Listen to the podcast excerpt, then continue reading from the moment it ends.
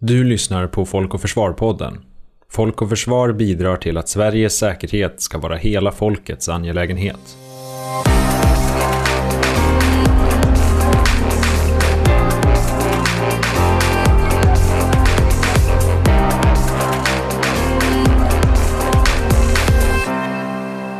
Demokratiska institutioner, ett fritt samtal och en effektiv rättsstat utgör grunden för fred, frihet och säkerhet. Säpo listar däremot en rad aktörer både i och utanför Sverige som har motiv att utföra angrepp eller subversiv verksamhet mot demokratin. Däribland olika former av separatistisk extremism. Parallellt anger många att det offentliga samtalet har hårdnat. Politiker och förtroendevalda, journalister och unga aktiva i civilsamhället utsätts för hot och hat i ökad utsträckning vilket innebär en utsatthet för individen men också en begränsning av det demokratiska samtalet. I den nationella säkerhetsstrategin från 2017 listar regeringen informationspåverkan och desinformation, terrorism och våldsbejakande extremism samt organiserad brottslighet som hot mot vår säkerhet och demokrati. Digitaliseringen har här på flera sätt förändrat karaktären av dessa hot och skapar allt mer komplexa säkerhetsutmaningar. Dessa beskrivs ofta som en gråzonsproblematik. Ett tillstånd mellan krig och fred där påtryckningar, desinformation, underrättelseverksamhet och organiserad kriminalitet omfattar öppna eller dolda handlingar med syfte att påverka ett lands intressen, förmågor eller ageranden. I den nationella säkerhetsstrategin används ett breddat säkerhetsperspektiv som inkluderar mer än bara militära säkerhetshot. Detta riktar även strålkastarljuset på fredsbegreppet som i en tid av nya och komplexa säkerhetsutmaningar kan bli än mer omtvistat. Vad innebär då fredsbegreppet utifrån en svensk kontext och hur kan samhället rusta sig starkare mot hot som försöker påverka vår trygghet och demokrati? Hur ser lägesbilden ut idag och vilka problem behöver lösas för att skapa en ökad motståndskraft i samhället i allmänhet och för att skydda våra grundläggande värden som demokrati, rättsstaten och demokratiska fri och rättigheter i synnerhet? Dessa och många fler frågor kommer att diskuteras under dagens avsnitt av Folk och Försvar-podden där tre förbundsordföranden för de politiska ungdomsförbunden kommer att framföra sina perspektiv och åsikter. Medverkar gör Filip Bodström, förbundsordförande för SSU, Sveriges socialdemokratiska ungdomsförbund, Matilda Ekeblad, förbundsordförande för MUF, Moderata ungdomsförbundet och Romina Pourmokhtari, förbundsordförande för LUF, Liberala ungdomsförbundet. Mitt namn är Hanna Wallan Fager. Jag är program och utbildningsansvarig på Folk och Försvar och kommer leda dagens samtal. Och med dessa ord så vill jag hälsa varmt välkomna till Folk och Försvar-podden Filip Bodström, Matilda Ekeblad och Romina Pourmokhtari.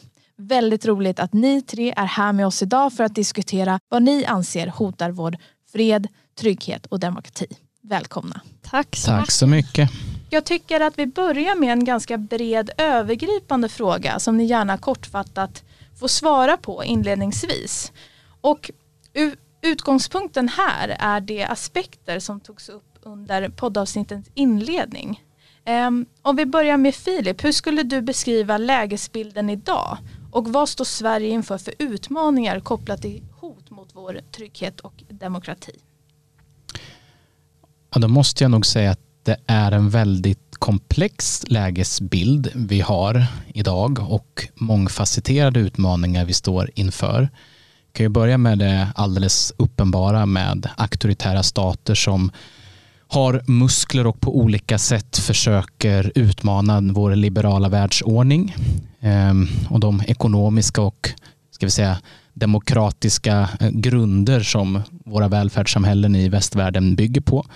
Ehm, auktoritära stater som testar vår förmåga och vårt tålamod genom att eh, annektera länder olagligt eh, genom digitala påverkansoperationer och operationer mot både företag och myndigheter i, här i Sverige som sprider desinformation bland våra medborgare och försöker påverka och pressa våra politiskt förtroendevalda.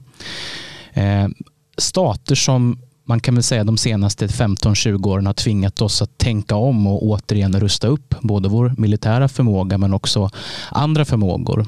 Ehm, stater som idag gör att politiker från både höger till vänster vill investera och satsa i psykologiskt försvar, i cybersäkerhetscenter och en hel del andra åtgärder som vi för 15-20 år sedan aldrig kanske trodde skulle bli nödvändiga. Lägg där till, om jag bara får säga någonting för att inte missa det i inledningen, att vi också har klimatförändringar. Vi har en pandemi som spett på den globala ojämlikheten som i sin tur är en grogrund för extremism, för terrorism och den typen av sociala motsättningar som vi också har sett de senaste decennierna. Och allt det här sammantaget leder naturligtvis till att demokratin hotas. Därför att alla de här delarna är så att säga eh, påverkar ju människors tilltro till våra samhällen, till våra demokratier.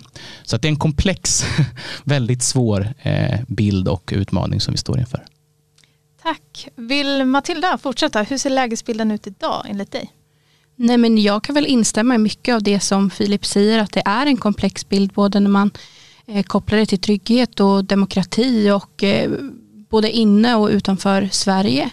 Det är klart att det inte är samma sak, men om man kollar runt om i världen, om man kollar inom Europa, inom EU eh, och vad vi ser där, men också hur man pratar om demokrati och trygghet i Sverige och den debatten som eh, har blossat upp mer och mer, framförallt på sista tiden.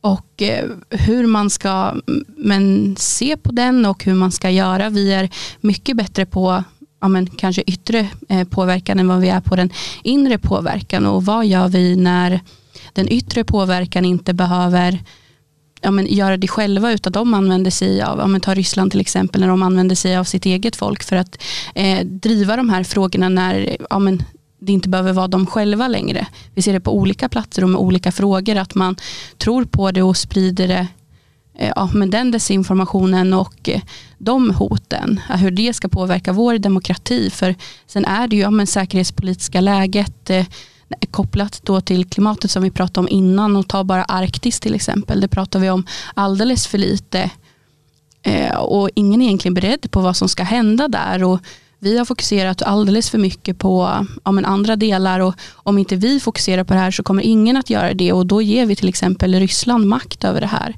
Och det är en fråga som eh, ja, men, behöver komma upp alldeles, eh, eller mycket, mycket mer och att eh, ta ett större tag och jag hoppas att eh, det är en sak som ja, men, framförallt EU kan börja fokusera på. Tack. Romina? Ja, det finns ju mycket att lyfta här men jag kommer ju aldrig ha någonting, eller aldrig ska jag väl inte säga, men EU är ju alltid glädjande att höra. Pesco och mycket annat finns som, som utrymme att ta där. Men när jag tänker, ja men nu är det här en väldigt stor och bred fråga och jag tror att en del Eh, Matilda kanske kom in på det en del men jag tycker att det känns som att ett grepp som saknas från politiker är nog alltså den, den proaktiva attityden till försvars och säkerhetsfrågor. Att det känns som att någonting behöver hända. Nå någonting behöver gå väldigt, väldigt fel för att det faktiskt ska börja hända saker. Dels för att politiker ska vilja investera medel men också för att man ska agera. Och det där stör jag mig lite på. Jag, eh, en del av anledningen till att jag är politiskt aktiv är för att mina föräldrar fick fly från ett land där allting gick fel kan man väl säga. Så att jag är väldigt mån om att ta initiativ innan allt har hunnit gå åt helvete, ursäkta franskan. Eh, och det tror jag är någonting som Sverige verkligen kan bli bättre på. Eh, jag gillar inte neutralitet, jag gillar inte passivitet och jag tycker att det finns ett värde i att också våga ta konflikter på ett sätt som jag inte anser att varken Sverige eller EU gör i nuläget. Och jag tror att det är skadligt för oss det är skadligt att man inte exempelvis agerat mer proaktivt kring mikrobiologiska hot som, som pandemier och annat. Att det är först nu som vi märker alla brister vi har och kan förbättra. Det är problematiskt att vi inte agerar, knappt agerar nu från, från liksom USAs håll när eh, Ryssland uppenbarligen lägger sig i mer än de kanske bör eller att DN tillåter eh, kinesis, eh, kinesiska ambassaden köpa stora annonser finansierade med, med liksom smutsiga pengar enligt mig och, och där de får liksom propagera för sin sak. Det, det är naggande i kanten av någonting som är oerhört värdefullt. Och Liberala ungdomsförbundet har ett väldigt nära samarbete med aktivisterna eh, och ungdomarna och studenterna i Hongkong. Och om det, det om något är en påminnelse om hur värdefullt det är att faktiskt vara väldigt noga med var gränsen går, att faktiskt se till att det inte behöver hända saker innan man agerar. Stort tack. Eh, det var en, en, en bred introduktion som sagt och jag tror att vi kommer komma in på flera av de här frågorna som ni har nämnt nu inledningsvis. Jag tänkte att vi skulle börja och tala lite mer en filosofisk fråga om fredsbegreppet. Eh, och då utifrån en svensk kontext. För vi lever i en värld som många anser är allt mer turbulent. Och här upplevs Sverige av de flesta som ett relativt tryggt land. Eh, invånarna har överlag en, en hög tillit till statens förvårdnad att, att värna om individens frihet och säkerhet. Eh, däremot är ingenting det som tas för givet. och om man pratar med olika personer så får man säkert olika svar. Ehm, och här fredsbegreppet eh, det har också alltid varit omdiskuterat och i fredsforskningen brukar man tala om två övergripande skolor, positiv och negativ fred, där negativ fred då är avslutningen på ett krig eller tillstånd mellan två stycken krig, eh, medan positiv fred är strävan mot fredsrelationer mellan olika sociala grupper och nationer och innefattar också det strukturella våldet. Men jag vill fråga er inledningsvis just om fredsbegreppet. Vad innebär det enligt, enligt er och era politiska ungdomsförbund och hur påverkar en ökad gråzonsproblematik som vi har nämnt här definitionen av fred enligt er? Och här får gärna Romina börja. Eh, så för oss är ju fredsbegreppet väldigt, väldigt stort och omfattar nog mer än vad gemene man anser att fred är. Eh, så vår syn på fred är ju väldigt omfattande om man ska sammanfatta det på något sätt. Eh, och jag, är, jag tycker att det är en fråga om, liksom, det, är väldigt enkelt att säga alla människors lika värde. Men vi klurar väldigt mycket på det där i mitt förbund och då kommer man ju dels fram till att det är någonting som som det är brist på i dels svensk narkotikapolitik men också i svensk syn på utrikesfrågor. Alltså hur mycket man involverar sig i andra eh, människor i andra länders rätt till, till, till fred och till säkerhet och till, till att få vara med och påverka samhället och, och så vidare. Eh, så vår definition av fred är väldigt stor och omfattande. Jag skulle säga att vi eh, som ett exempel så anser vi absolut inte att det är fred i Kina nu. Eh, utan att, att man med de medel man, man brukar eh, se till att tysta olika initiativ eller, eller begränsa på det sättet som man gör. Det, det tycker vi exempelvis inte är fred.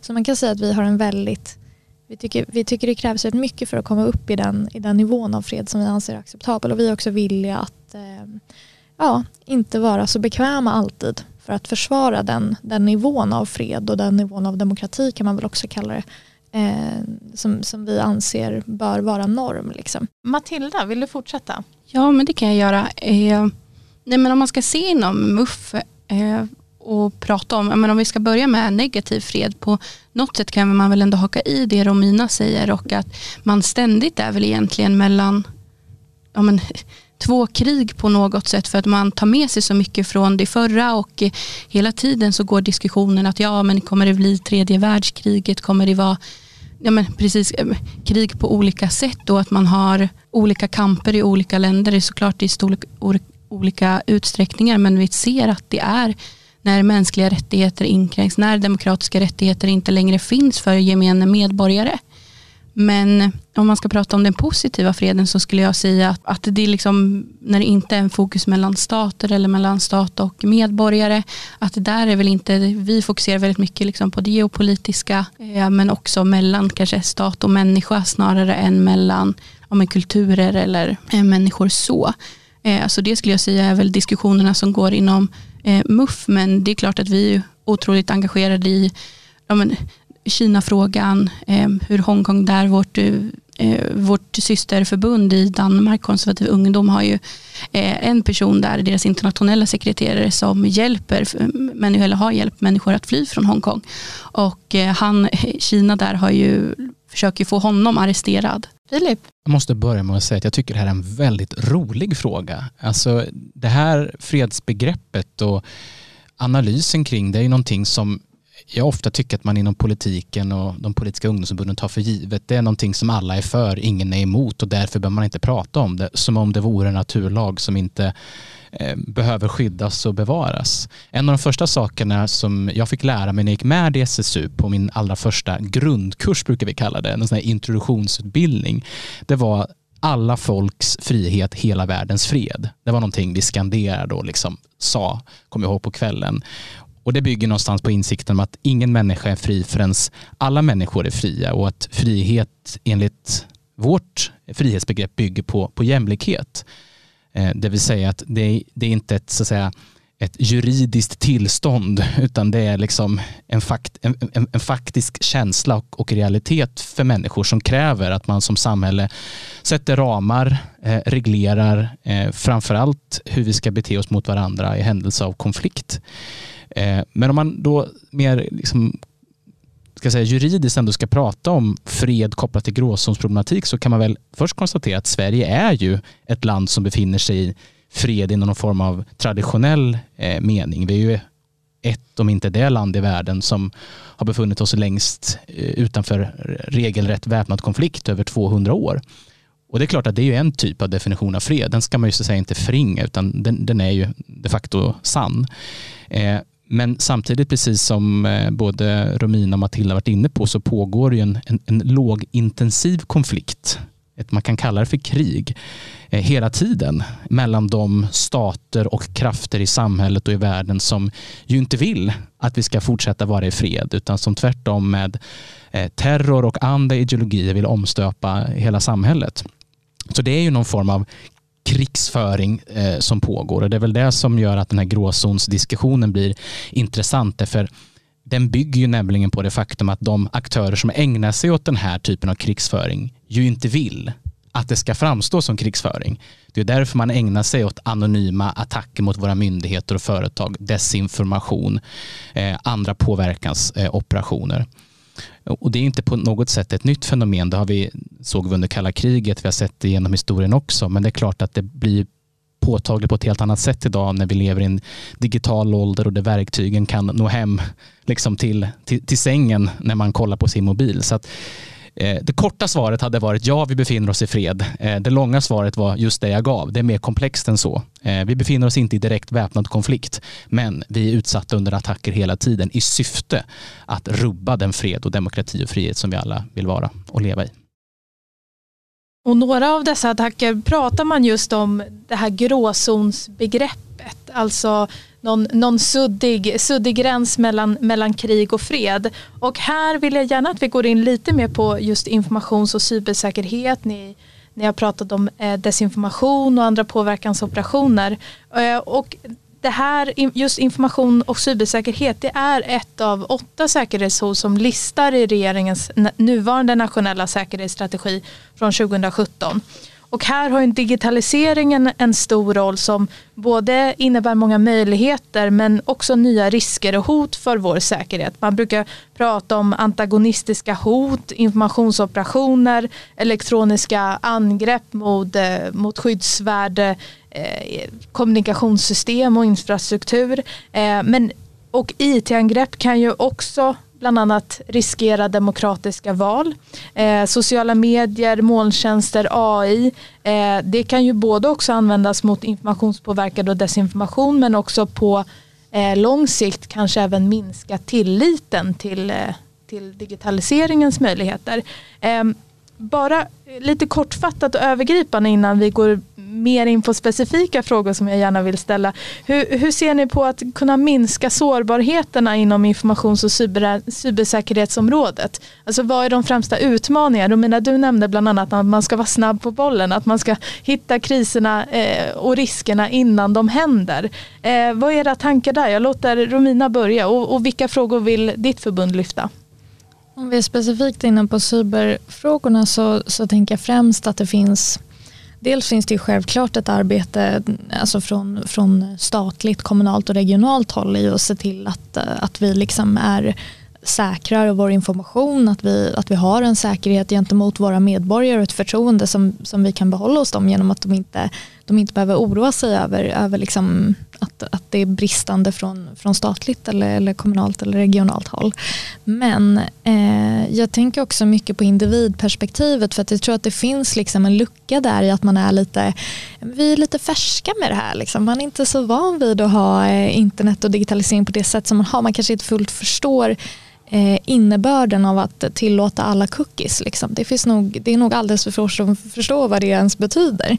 Eh, och att ha lite mer standardiserade mm, system kring, kring det eh, är ju en viktig del i individens integritet men något som också liksom kan få större innebörd. Exempelvis är ju USA ett bra exempel hur, hur så, så många grejer har, har visat sig, ja, men exempelvis med, nu minns jag inte vad de hette, Ehm, Cambridge Analytica, heter de så? Mm, det är bra, många nickar här. Ehm, det, det är liksom ett tydligt exempel på vilka stora konsekvenser det kan få, även att man som individ eh, ger ifrån sig eller tillåter viss informationsintag som man inte riktigt ser innebörden av egentligen. Så det, ja, jag tror att politiken har ett ansvar att se till att den informationen staten erhåller eller så verkligen håller en, ja, håller en nivå, att man har en trygghet i det men att det också det finns ju ett ansvar hos individen här eh, och där kanske lite mer standardiserade system vore någonting bra. Sen tror jag inte att staten ska in och pilla i internet, det kommer inte bli jättebra. Och Filip, vill du fortsätta? Ja, det, det jag håller med om mycket det som eh, Romina sa. Om man börjar med det uppenbara så, så är det ju så att det här är ju inte heller ett nytt område. Vi har myndigheter som under lång tid har identifierat, bevakat och agerat mot eh, den här typen av problem när de har uppstått. Men det vi ser nu är ju att allt fler politiker ju vill se ett samlat grepp och en större satsning. Vilket också är skälet till att man, jag tror det är i år, eh, inrättar eh, cybersäkerhetscentret. Eh, det har kommit ett, en utredning kring psykologiskt försvar och att det här är någonting som ska integreras i hela samhället och inte bara ligga på på enstaka myndigheter. Det tror jag är viktigt och framförallt slutsatserna, rekommendationerna och kunskapsspridningen som de här myndigheterna ska, ska syfta till. Dels våra industrier, våra stora företag, våra myndigheter som vi ju tyvärr vet har haft stora eh, problem med de här frågorna. Eh, I alla fall vissa, ska jag säga, myndigheter. Eh, men jag tror också att det är jätteviktigt att våra politiker kunskapsbildas. Jag noterade apropå det Romina sa om USA att det blev ganska uppmärksammat när Hanif Bali och en rad andra moderata riksdagsledamöter eh, kom ut med att de hade befunnit sig på den högerextrema desinformationsplattformen Parler i USA en plattform som användes i så att säga, planeringen för eh, kuppförsöket av Kapitolium. Och den naivitet som även våra högsta företrädare uppvisar. Ehm, så att det är inte bara företag, inte bara myndigheter, inte bara enskilda medborgare utan även våra högst uppsatta politiker som jag tror behöver eh, lära sig mer och sluta vara så jäkla ursäkta franskan, naiva eh, som exempelvis de här moderata riksdagsledamöterna har varit i sin, sitt förhållningssätt till den här typen av plattformar och den typen av information som man förmodligen delar med sig. Här pratar vi ändå om en, om en app som har kopplingar till Ryssland. Så att, eh, ska säga att jag tror inte bara att det är moderata riksdagsledamöter som har en hemläxa och kunskap att inhämta här, men jag tror att det liksom försöker bara göra en poäng av att det, det är inte bara enskilda myndigheter, sektorer, personer som behöver mer kunskap om de här frågorna. Mm. Matilda? Ja, nej det är inte bara moderata riksdagsledamöter utan det är, det är ju eh, Transportstyrelsen och ansvariga ministrar där som skulle behöva lite lektioner i det här också. Men när vi blir allt mer eh, digitala och hur man ska hänga med, att vi pratar mycket om cyberförsvar och vad vi behöver göra det, men det handlar ju väldigt mycket om att kunna motverka och inte bara göra det här när det väl sker, men lite som Romina pratade om i början med att vara mer proaktiva, att vi ofta står handfallna när det här sker eller när det här händer och det kanske kommer varningar med att inget liksom sker och hur man ska agera där och att det är mycket på myndighetsnivå. Vi vet att de är urusla på att hantera personuppgifter och det är, man blir inte jätteförvånad när det kommer flashnotiser om att det, det har läckt information eller att det har kommit ut i system och det är, ja, men det är ju något att man inte hänger med och att man inte har de här uppdaterade men system så superbra med cyberförsvar och allt som hör till men hur ska vi också kunna motverka och inte bara agera när saker sker? Och där har ja, men alla eh, en läxa att göra men även som privatpersoner. Och ja, men, när man gick i skolan man pratade källkritik men då var det ju otroligt mycket så här läs inte allt som står om eh, ja, men något krig och att eh, man skulle, ja, källkritiken var ju otroligt, eh, man skrapa på ytan och att det, jag har väl inte stött på kanske de sakerna man fick lära sig där, att jag skulle ha ja, just de exemplen, att man inte pratar om lika mycket om desinformation och de här kampanjerna som vi vet riktas nu men som också troligtvis kommer ta ännu större fart när att man får hela befolkningen att tro på det här. Och att eh, det pratar man inte alls om i den utsträckningen. Även om man måste ju ta ett stort ansvar själv och man vet inte, jag tror man kan tala för alla här, att man bara klickar i och man har nog få gånger läst de här, läs mer. Jag har inte läst eh, varenda ord i de här varje gång, det är ofta långa sidor. Men om man vet vad man egentligen ger ut och ja, men ta ja, men Clubhouse som har kommit nu till exempel och det är många som varnar för att man ger ut andras eh, information. Eh, och det tänker man väl inte på kanske förrän man har kommit in i appen och vad det gör. Men jag är väl ändå lite undantag där. Jag, jag tittar faktiskt igenom terms and conditions och det är väl en del i att jag liksom, jag gick ju faktiskt med i luft till, till, till viss del, jag gick med av jättemånga anledningar men en av dem var att man hade en Big Brother is watching you kampanj om integritet. Så att så här, jag, jag, är lite nörd i de här frågorna men jag tycker det är lite kul att till och med jag som alltid går in och aktivt inte accepterar alla cookies utan ska liksom se till att det är endast nödvändiga, att de inte får samla in information som inte är nödvändig läser terms and conditions, har inte TikTok, skaffade inte den där ryska appen där man kunde se äldre ut än vad man gör och se hur man såg ut när man var gammal som alla råkar skaffa. Så jag är ändå väldigt noga med det där men, men till och med jag kan ju ibland, eh, ja men exempelvis med Clubhouse, så fort jag skaffade det så såg jag att nu fick ju de information om alla mina kontakter. Det var ju lite intressant liksom. Så det är klart man råkar ju gå in i de där fällorna hur, hur eh, även om man är nördig folkpartist, vilket ju säger en del kanske. Eh, och jag tror att det liksom är en, en del i det där att så här, Ja, men man kanske skaffar TikTok och så tänker man att så här, ja, men det gör ju inte så mycket för att det, det är en plattform, eller Parler, liksom. det är en plattform där jag lägger upp min information och det är jag som har kontroll över vilken information jag lägger upp och sådär. Eh, men, men de intressena kan ju ändras, liksom. även om det låter väldigt oskyldigt så kan det, kan det liksom Eh, i ett senare skede användas på ett annat sätt. Eh, och det där är väl också en sån grej där man ska vara lite proaktiv. Vi pratar mycket om att så här, ja, Kina ska inte ha 5G och hamnar hit och dit och vad man äger för mark men det handlar ju också om vilka, vilka stora appar som dominerar sociala medier och sånt där. Så det finns många aspekter i det där. Men jag tror att en grundläggande, om man ska prata ur ett politiskt perspektiv, nu är vi ändå alla politiker, så är väl en, en, en bra sak att börja med är att se till att folks personuppgifter är skyddade när staten tillhandahåller dem. Att söker du vård så ska inte din journal kunna läcka ut hur som helst och annat. Så att om man börjar där och sen tar vi det därifrån. Men det finns mycket att sätta tänderna i, det finns det. Jag har alla kommit in på olika eh, plattformar att använda som är heta just nu. Eh, senast är just den här plattformen eh, Clubhouse som har, som har dykt upp nu bara de senaste veckorna och eh, som samlar in mycket data om en själv och, och, sin, och andra användare. Eh, och tidigare så har det också varit diskussion om säkerhetsaspekter aspekter kopplat till eh, appen TikTok som ägs av ett kinesiskt bolag men också andra plattformar. Eh, och här är det just insamling av personlig data via sociala medieplattformar. Eh, om vi kom, går in lite på den frågan, hur ser ni på, på insamling av persondata? Det finns en, ändå en intressant balans där, gränsen mellan öppenhet och tillgänglighet på plattformen å ena sidan och säkerhet å andra sidan. Vad är era spontana tankar där? Om vi börjar med Matilda. Nej men det är ju en svår när man kommer in mellan egentligen, ja, men det är personlig integritet, det är den fria marknaden, det är fortfarande eh, känslig information och det kan komma in på ja, men, demokratiska rättigheter och vad man gör med den här informationen men i grund och botten så är det ju upp till företagen och vad de vill göra men också liksom vad personerna själva väljer att eh, eh, godkänna. Jag är ju faktiskt 0% förvånad att det är Liberala ungdomsförbundet i det här rummet som läser om, men fler borde ju eh, ta efter och faktiskt göra det, för ofta så vet man ju inte alls vad man eh, klickar i och godkänner och jag tänker att man ofta är naiv att eh, om man har pratat om att man vill köpa en viss sak och sen få reklam om det och det kan man ju tycka både är nice för att då får man kanske bästa erbjudandet, det bästa man vill se men det är också eh, naivt att tro att det bara är vilka liksom, skor jag vill köpa som man kan använda det här till och att hur man har i ja, uppgift att som själv kunna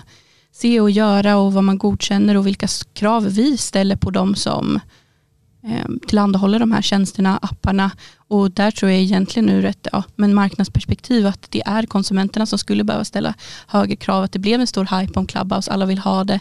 Men det står också att den här kontakten till exempel har så här många vänner på Clubhouse och hur man har kunnat göra, skapa ett kontaktnät. Vem som känner vem, vart man och andra appar, vart man rör sig, vart man är. och att det är såklart att det kan kännas läskigt men jag har ju å andra sidan också godkänt det. Mm.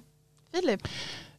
Ska börja med att säga att jag håller med om mycket av det som Romina och Matilda har sagt. Om jag ska addera någonting som kanske kontrasterar så är det vad jag ser som ytterligare hot eller minst lika stora hot. Jag är väl kanske inte lika rädd som Romina eh, att staten ska komma in och eh, få för mycket kontroll även om vi vet ju stater och auktoritära regimer som definitivt har tagit sig för stor kontroll. Kina är ju det kanske tydligaste skräckexemplet. Men jag är lika orolig Eh, för att vi också har varit alldeles för naiva för att marknaden ska klara det på egen hand. Det är klart att i en ideal marknadsekonomi så finns det en uppsjö av olika ta sociala medier exempelvis, man kan välja och vraka mellan och är det så att man tycker att Facebook har dåliga användarvillkor och läser som Remina gör om användarvillkor så kan man byta plattform. I verkligheten, den i alla fall vi lever i, så är det ju inte så enkelt därför att i praktiken har vi ett fåtal globala jättar som har total dominans.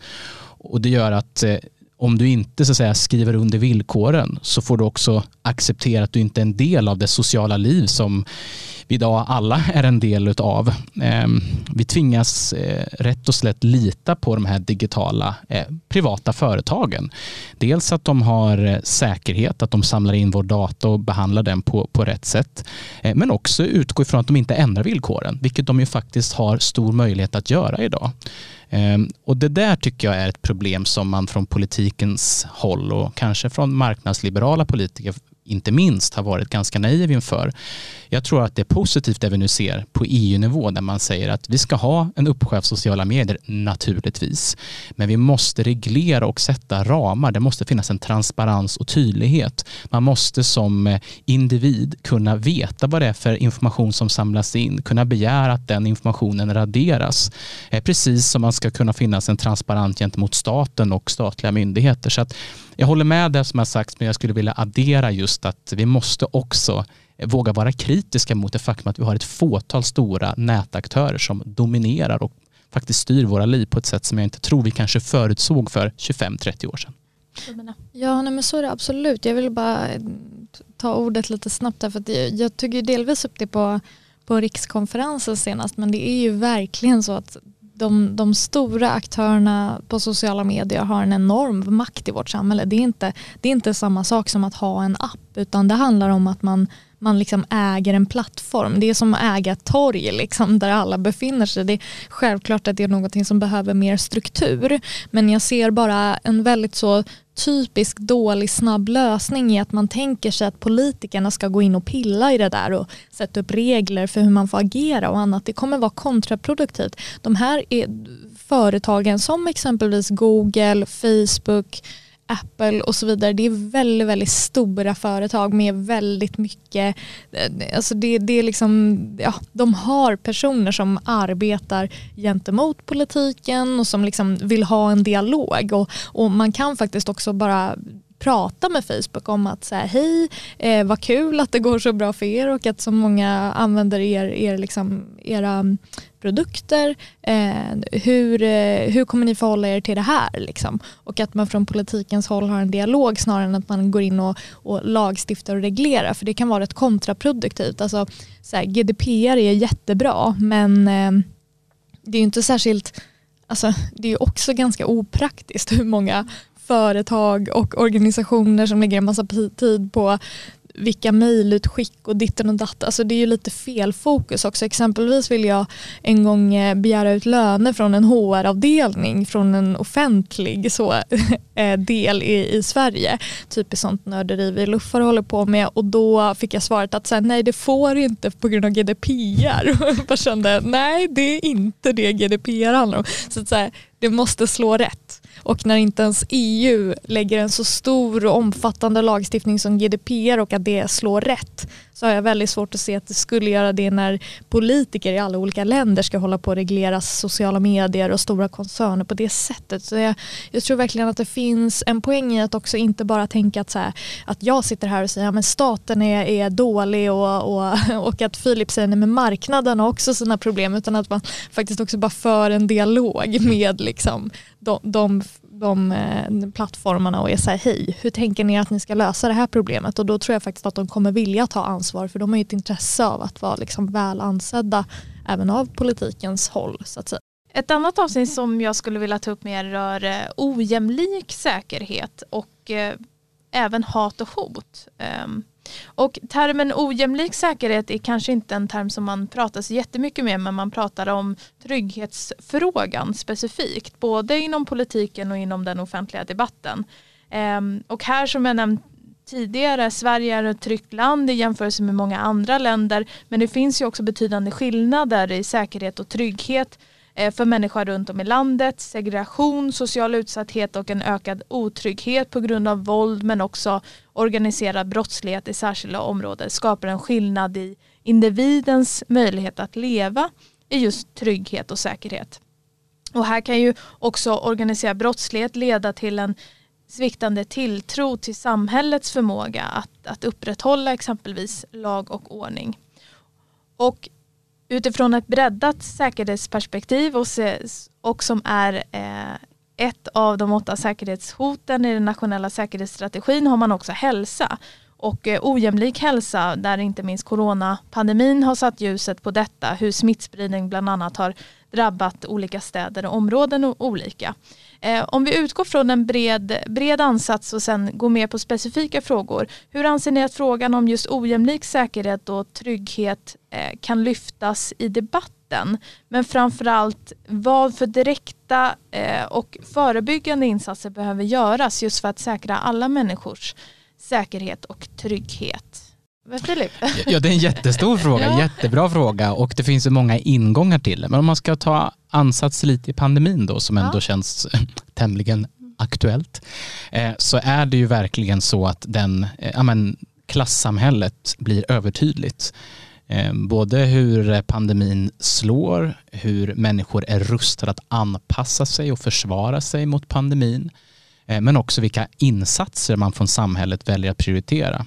Men lite kort då kan man ju säga att eh, vi ser att det finns grupper i Sverige, i, här i Stockholm där vi befinner oss, som inte har de praktiska möjligheterna att värja sig från pandemin. Man kan inte jobba hemifrån, eh, man kan inte ta bilen till jobbet, man jobbar med människor som är utsatta och sköra. Man bor i områden där man bor trångt och segregerat. Man kan alltså inte hålla fysisk distans.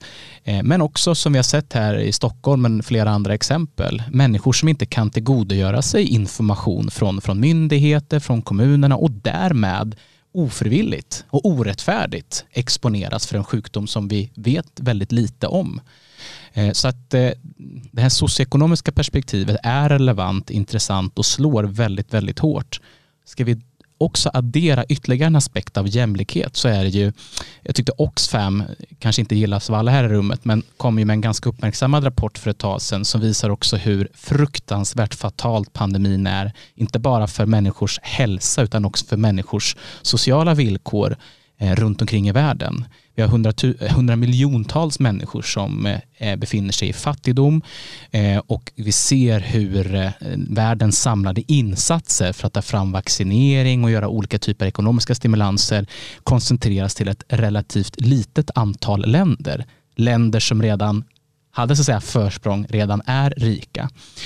Så att det finns både, skulle jag säga, saker som vi kanske inte har kunnat förutse hur den här pandemin slår orättvist och ojämlikt, men också traditionella mönster. Att när det väl är global kris så är det alltid de länder som är bäst rustade som får mest resurser att ta sig ur och de länder och de människor som har svagast förutsättningar som drabbas hårdast. Vi ser det i pandemin här och nu, vi ser det i klimatkrisen, vi har sett det i ekonomiska kriser förr och det är ju sorgligt att vi från politikens sida, i alla fall när jag pratar om alla politiker, inte har orkat förmå att se detta, erkänna detta och eh, säga att det här är ett förbannat problem som kanske kortsiktigt känns ganska nice att inte behöva hantera, men långsiktigt, apropå fred och gemensam säkerhet, får väldigt stora konsekvenser. Jag tycker det blir väldigt så tydligt att man kanske har en lite daterad syn från vissa myndigheter när man pratar om att så, det finns en risk att utrikesfödda blir mer sjuka eh, och sen så bildar folk sina fördomar utifrån den informationen. Man kan inte formulera sig sig på det sättet. Det handlar faktiskt inte om huruvida man är invandrare eller inte, om man, mm. om man liksom exponeras mer för ett virus eller inte. Det handlar om en socioekonomiska möjlighet att undvika det och också ett informationsskap. Det var väldigt, väldigt frustrerande att se den eh, Alltså att man förväntar sig att varenda kotte i det här landet ska sitta och lyssna på presskonferenser med Tegnell. Jag, hade liksom, jag gick svenska 2 när jag var yngre. Jag hade inte, om inte jag hade liksom jobbat med det jag jobbar med och utbildat mig till det jag utbildat mig till och, och ja, men snudd på bott i innerstan så hade inte jag förstått vad det är Tegnell pratar om. Och att man förväntar sig från myndigheters håll att folk ska kunna tillgodose en information som levereras på det sättet, det är helt absurt. Alltså det, är ett sånt, det är ett sånt tydligt liksom, underbetyg till, till liksom, den fina svenska förvaltningsattityden kanske. Det, det, funkar inte så. Man, man lyssnar inte på en presskonferens om man är en vanlig människa som, som bor i Sverige. Liksom. Jag orkade inte lyssna till slut heller och då jobbar jag ändå med politik. Liksom. Så man, kan inte, man kan inte hantera det på det där sättet och det är klart det är enkelt att vara efterklok och sådär men det är verkligen det jag menar. Det behövs ett proaktivt grepp kring rätt mycket i det här landet eh, och lite mindre så gneta på med det man alltid har gjort. Däremot så tycker jag att det är, eh, så att säga, jag håller med Filip för att vara extra tydlig då, då om, om det här du lyfter kring liksom, folk som bor i utsatta områden, hur socioekonomisk status påverkar ens möjlighet att överleva, vilket är helt absurt. Eh, en stor del i det handlar också om den, alltså bristen på trygghet som finns när man inte bor eh, i ett tryggt område. Eh, det, det är liksom under all kritik det är med. Eh, det ska inte vara så stora skillnader i levnadsstandard i ett land som Sverige som har en så stor välfärdsstat som vi har också. Dens främsta uppgift borde vara att, att jämna ut de skillnaderna. Eh, men det är en annan grej när man pratar länder emellan. Jag blir lite provocerad när jag läser alla de här nyheterna som så jag menar, kanske P3 Nyheter är väl en sån typisk Instagram-konto som pumpar ut så här, åh det är så himla fruktansvärt att vissa länder får mycket mer vaccin nu än andra. Ja, det är fruktansvärt. Det är inte alls kul, det är inte, det är inte bra, men det är också så verkligheten ser ut. Alltså, har man en stabil stat som kan förhandla sig, förhandla med läkemedelsföretag och, och se till att få tag på vaccin, då kommer de ha mer tillgång till vaccin än den andra staten som inte har en stabil politik, inte har en stabil liksom, eh, regering den kommer inte ha samma möjligheter att förhandla sig till vaccin. Och det blir väldigt dumt om man tänker att jag ska ha vaccin först. Det, det är bra för en person om, om så många som möjligt har vaccin. Det, det handlar inte om vem som har det utan om att rätt personer har det kanske de som exponeras mer och sådär. Så det finns ju sådana aspekter i det hela också men att tycka att det är liksom ojämlikhet och orättvisa att inte alla får lika mycket vaccin det tycker jag är lite så naivt. Det är inte så världen ser ut även om man hade önskat att alla att det är liksom kumbaya och alla håller varandra i handen och det, alla länder får lika mycket vaccin. Det är, inte så, det är inte så det ser ut utan som stat får man vara stark och ligga på topp och man får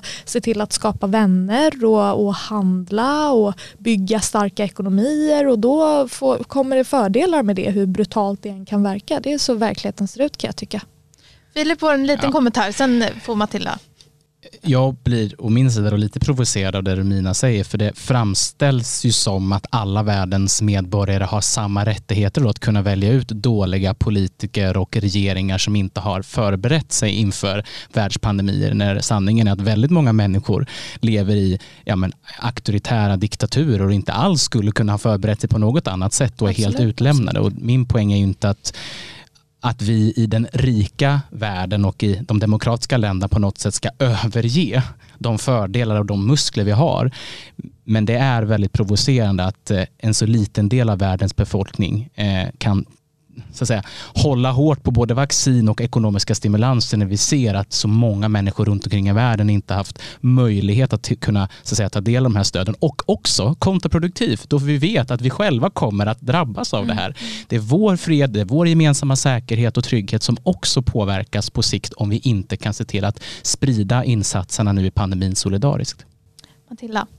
Ja, nej, men jag tycker att mycket bra sagt när det kommer till coronapandemin har väl inte jättemycket att tillägga där. Vi har sett att de brister man kanske har pratat om innan, att de syns ännu tydligare i eh, coronapandemin och att de utsatta blir ännu mer utsatta. Men och det, om man ska sammanfatta och på något sätt gå vidare så är det ju att det ja, men att, så här, bostadsadress, det är klart det är viktigt men att det kanske har blivit viktigare än någonsin och att det, det ja, men, hotet eh, som kommer inifrån att man inte kan men vara ute, att det är skjutningar hela tiden, att det är att man vet att om man växer upp där så har man mycket svårare att göra en viss sak på grund av att ja, men skolorna är undermåliga, att på torget så skjuts det, att man inte har samma rättigheter om man är tjej eller kille och att eh, allt som kommer med det och att man i mycket större utsträckning kanske måste se det som ett eh, hot eller ett och jag tänker att ordet krig är så laddat att man måste hitta något annat men att vad det är som liksom eh, bedrivs där och vad man måste göra eh, det är ju liksom ett helt poddavsnitt i sig såklart. Romina? Ja, jag tror typ att en, alltså den här bristen på trygghet kan få så otroligt stora konsekvenser för en människa. Och det är verkligen värdefullt att tänka på det att så här, det är klart att det är helt annorlunda om du befinner dig i en liksom aktiv krigszon och, och liksom slåss för ditt liv.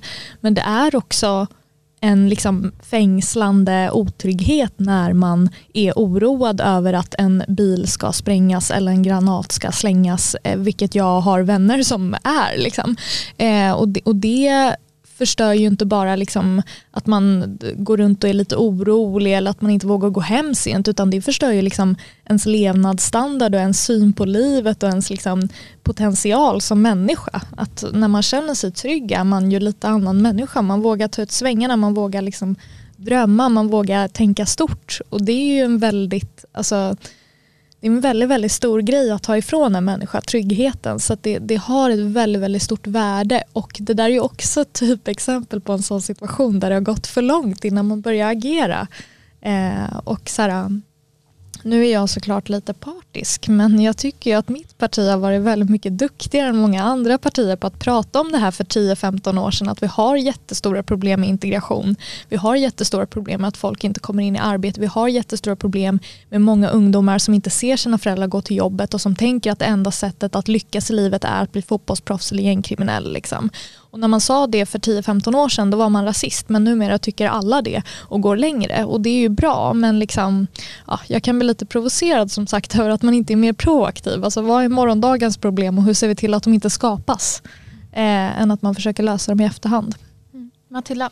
Ja, jag bara byter ämne här hela tiden men en sak som jag har tänkt på väldigt mycket kopplat till just eh, coronapandemin, dess konsekvenser och när det kommer till ja, men, demokrati och trygghet. Det, är ju, ja, men, det kom ju en rapport från Ungdomsbarometern här för några veckor sedan och där vi ser att eh, under det senaste året att det har gått ner vilken tilltro eh, unga har på att man ska kunna förändra sin framtid, vilken tilltro man har på politiker men också ökar benägenheten att man ens skulle överväga att gå med i ett politiskt parti just för att man inte tror att man kan förändra sin eh, framtid och vi vet att det har blivit värre och, av coronapandemin och det är kanske en konsekvens som man inte har tagit i beaktande men som på lång sikt kan ha otroliga konsekvenser just för demokratin, det demokratiska samtalet, viljan att engagera sig för förändring, att man istället väljer att kolla på för att man inte tror att det kan ske en förändring och att den konsekvensen har vi kanske inte tagit upp tillräckligt och att det där kanske är något som vi nu borde vara mer proaktiva i.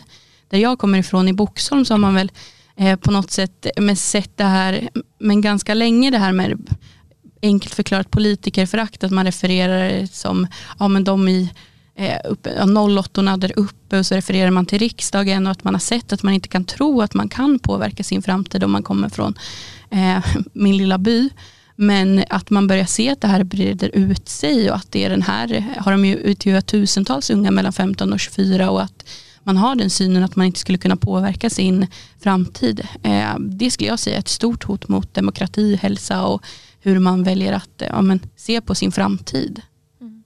Jag skulle vilja ta upp ett sista ämne som går in lite på det du avslutade med Matilda, just eh, synen på sin egen framtid. Och en, en, någonting som har kommit upp allt mer och som anses vara ett, ett större problem just hat och hot Eh, både mot, eller också som påverkar individer, bland annat att man har, man har sett att det faktiskt leder i en viss grad till självcensur men också att det kan begränsa det demokratiska samtalet. Och eh, här skulle jag vilja, eh, vi har pratat om den här frågan tidigare, jag vet att det var ett ämne som bland annat tog upp under eh, Folk och Försvars rikskonferens. Men vilka åtgärder tror ni behöver genomföras för att eh, möjliggöra att just hat och hot minskar? Om ni vill ta upp några exempel som ni tror kan vara gångbart i den tiden när vi ser en, en ökning av detta. Filip? Om man börjar då med det man brukar beteckna som att släcka bränder. Vad, vad, behöver vi göra här och nu när så att säga, skadan är skedd? Så handlar det om att, eh, lite på det Matilda var inne och talade om nyss, alltså temat ungas engagemang, säkerställa att alla vi unga som är engagerade, alla de unga som lyssnar kanske på den här podden eller funderar på att engagera sig ska känna samhällets fulla stöd och uppbackning i att man inte lämnas själv, att rättsstaten fungerar, att eh, det finns stöd att få i civilsamhället men också av rättsstaten om man blir utsatt för hot, hat, kränkningar, diverse. Ehm, det är jätte, jätteviktigt och då handlar det om att man från staten och kommunerna och myndigheternas sida prioriterar detta har mm, personal som jobbar proaktivt med att sprida kunskap, strategier, att man från polisen och rättsväsendets sida prioriterar personella resurser att ta tag i de här frågorna. Ehm, det tänker jag är liksom här och nu vad man kan göra. Eh, och sen på, på lång sikt så handlar det om att skapa en kultur och norm i samhället eh, där grundregeln är att det som är okej okay att säga och göra IRL om man är på bussen eller i klassrummet ehm, det är också det som gäller eh, på sociala medier och i den digitala världen vi, vi, kan liksom inte ha två parallella normer och kulturer och ramverk eh, som vi, jag tycker vi har idag. Där vi säga, ställer högre krav på hur vi ska agera här mot varandra i studion och eh, när vi går ut från den här studion än hur jag och Romina beter oss på sociala medier. Eh, och där har vi nog alla ett ansvar att fundera på hur vi, ja, hur vi ser på det, hur vi, hur vi värderar det. Jag tycker mig själv se att vi inom de politiska partierna är mycket hårdare, mycket råare, eh, tar mycket lättare på, på trakasserier, person på hopp eh, på sociala medier än vad vi skulle göra i, i verkligheten så att säga. Ni fattar vad jag menar, IRL fysiskt. Eh, och det kanske inte är Romina och jag och Matilda som liksom eh, hamnar sömnlösa på nätterna över det. Vi är nog ganska hårdhudade allihopa. Men det skapar ju också norm för hur andra unga förväntar sig att man ska vara och eh, tänker att man behöver acceptera. Eh, så där har vi nog själva också en läxa att göra. Mm. Eh, gärna samma fråga till Romina och Matilda men också eh, om vi kanske tar in en extra fråga, alltså hur kan det påverka i det stora hela vår demokrati på lång sikt? Det ska ni också gärna få svara på men, men också gärna ta upp eh, åtgärder om ni har några specifika medskick. Matilda? Nej men det handlar ju väldigt mycket om men alla demokratiskt folkvalda men också det ideella engagemanget som vi ser i våra ungdomsförbund framför allt. Att det, alla i princip gör det här ideellt och att då få möta hat och hot mot dig som person. Men också så att vara och där skulle jag väl säga att vi, men egentligen inom majoriteten av alla partier har företrädare som inte är goda förebilder för det här.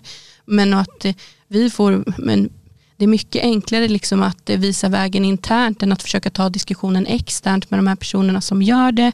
Och jag skulle säga att bara de senaste veckorna på Twitter har det blossat upp kanske mer än någonsin den här debatten. Och när vi pratar om polarisering eh, eh, och tonen mot varandra som leder till det här.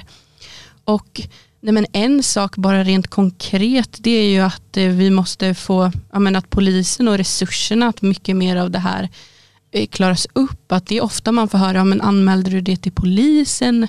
Men ett, man har blivit mer hårdhudad, man eh, klarar av mer, man tycker inte det här är så farligt. Men vi som gör det här som heltidssyssla har varit kanske i, eh, vad ska man säga, hetluften under en det jag som är jätteny här, men som har blivit van på det här på ett annat sätt, tycker inte så vanligt. Men ofta får man ju höra, är så här, nej jag anmäler inte för vi vet bara att det läggs ner ändå det läggs på hög, man har inte resurser, man vet kanske inte hur man ska göra det, men det är väl också liksom en ja, personalfråga och vilka resurser man har till det. Så det är väl bara en kort sån sak att man borde på ett mycket större sätt kunna eh, utreda eh, hotet mot förtroendevalda, för om vi börjar där så tror jag att eh, eh det kan komma i det ideella engagemanget också, för vi ser ju, men bara en sån sak som att eh, släppa in oss på skolor. Eh, att vi ungdomsförbund får vara där är ju en jätteviktig del i att få träffa politiker men också att få bygga förtroende. För att eh, man pratar inte supermycket om politik, det är på samhällskunskapen men att det är så otroligt viktigt att få träffa människor som eh, gör det här ja, i praktiken för att också kunna vinna förtroende och eh, få träffa och jag tänker att inte minst kanske om man kopplar till det vi sa förut om utanförskapsområden och Eh, att man i kanske ännu mindre utsträckning där får träffa sina lokala politiker eller ungdomsförbundare eh, och att den ja, demokratibegreppet och allt är en större mening. Så ja, de två sakerna kanske rent konkret men sen tror jag att det är jätteviktigt att vi internt och ja, som gemene man och medmänniskor gör mycket, mycket mer än vad vi gör idag och får hålla koll kanske också på våra egna partier. För jag kan ju stå här så mycket som helst och säga hur dumt det är men så kan man väl veta några stycken som man borde, och en själv kanske borde haft bättre ton ibland också om man ska rannsaka och att vi får faktiskt göra mer där. Romina? Det finns mycket jag vill säga som vanligt. Men, men, ehm, ja, men om vi börjar i liksom det, det offentliga samtalet och politiken så finns det en väldigt stor generationsfråga i det här. Jag skulle säga att 80% av, eh, om inte alltså 90% av, ja, kanske 85 då, av, av liksom allt, allt hat och hot jag får kommer från folk som är över 60. Eh, och jag förstår faktiskt inte vad det är som får alla de här människorna att känna att det är rimligt att skriva mail till mig eller smsa mig till och med med, med liksom, alltså fruktansvärda saker som man aldrig hade sagt till en människa man tittar på.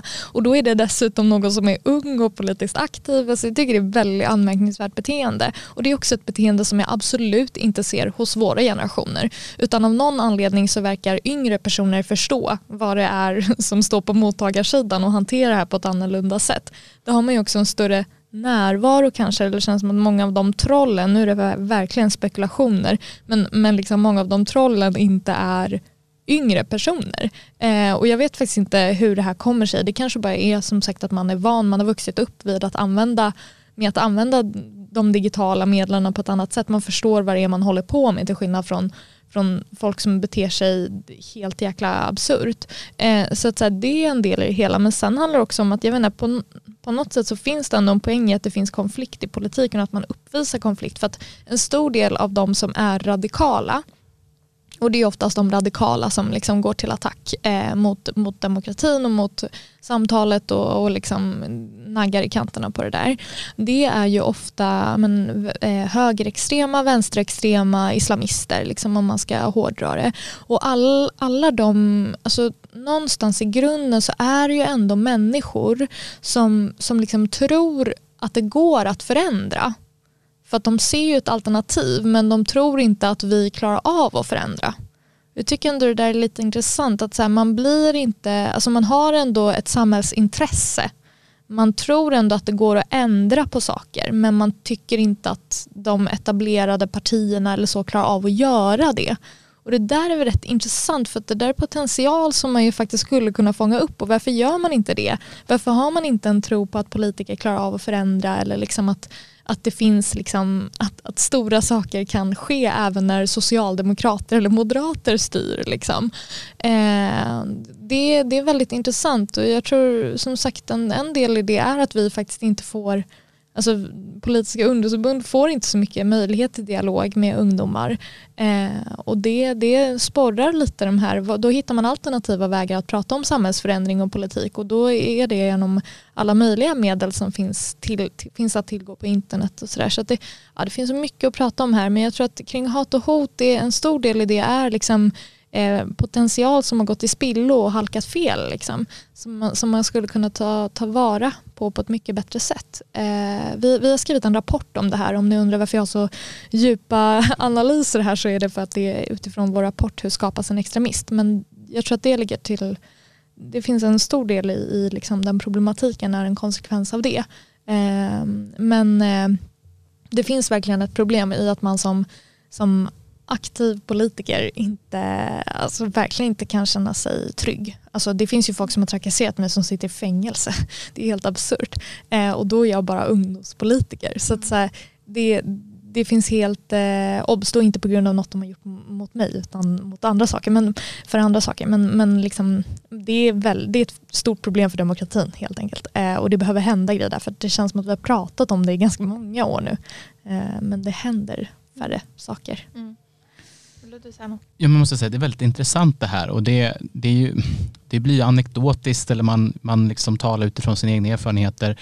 Eh, jag har också min beskärda del, jag brukar kalla dem galne Gunnar som skickar liksom eh, mail företrädesvis liksom med homofobiska liksom meddelanden och hudfärg och adoption. Ja, det finns liksom väldigt mycket där och då vet jag att jag inte ens hälften lika utsatt som många eh, kvinnor inom politiken och inte minst liksom i, bland ungdomsförbunden.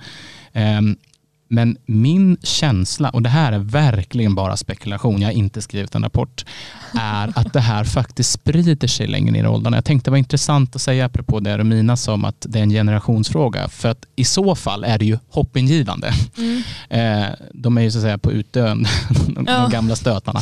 Men, ja, men, men min känsla är ju att vi idag har också yngre människor som är väldigt medvetna och insatta i de digitala möjligheterna men också kryphålen. Mm. Alltså polisen har idag inte möjlighet att verifiera konton exempelvis eh, vilket gör att det kan vara svårt med teknisk bevisning. Man tänker annars att det, var, det vill bara ta en print mm. men så är det ju inte. Eh, så att jag tror eh, att vi ska hålla ögonen på det och se om det är en generationsfråga. Hoppas.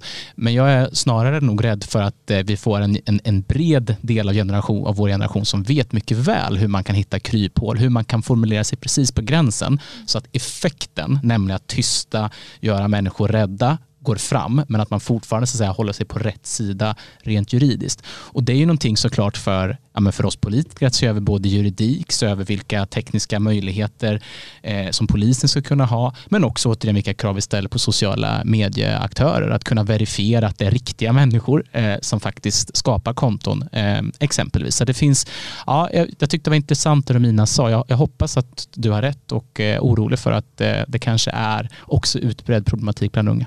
Och eh, med dessa ord så vill jag tacka Filip Bodström, Matilda Ekeblad och Romina Pourmokhtari som gästade dagens avsnitt av Folk Försvar-podden.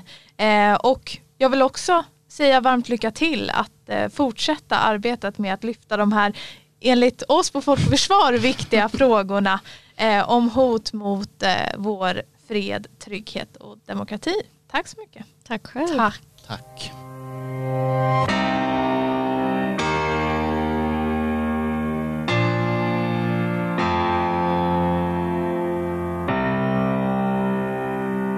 har lyssnat på Folk och Försvar-podden. Podden är skapad av Hanna Wärland Fager. För att ta del av mer av vår verksamhet, besök vår hemsida www.folkochforsvar.se.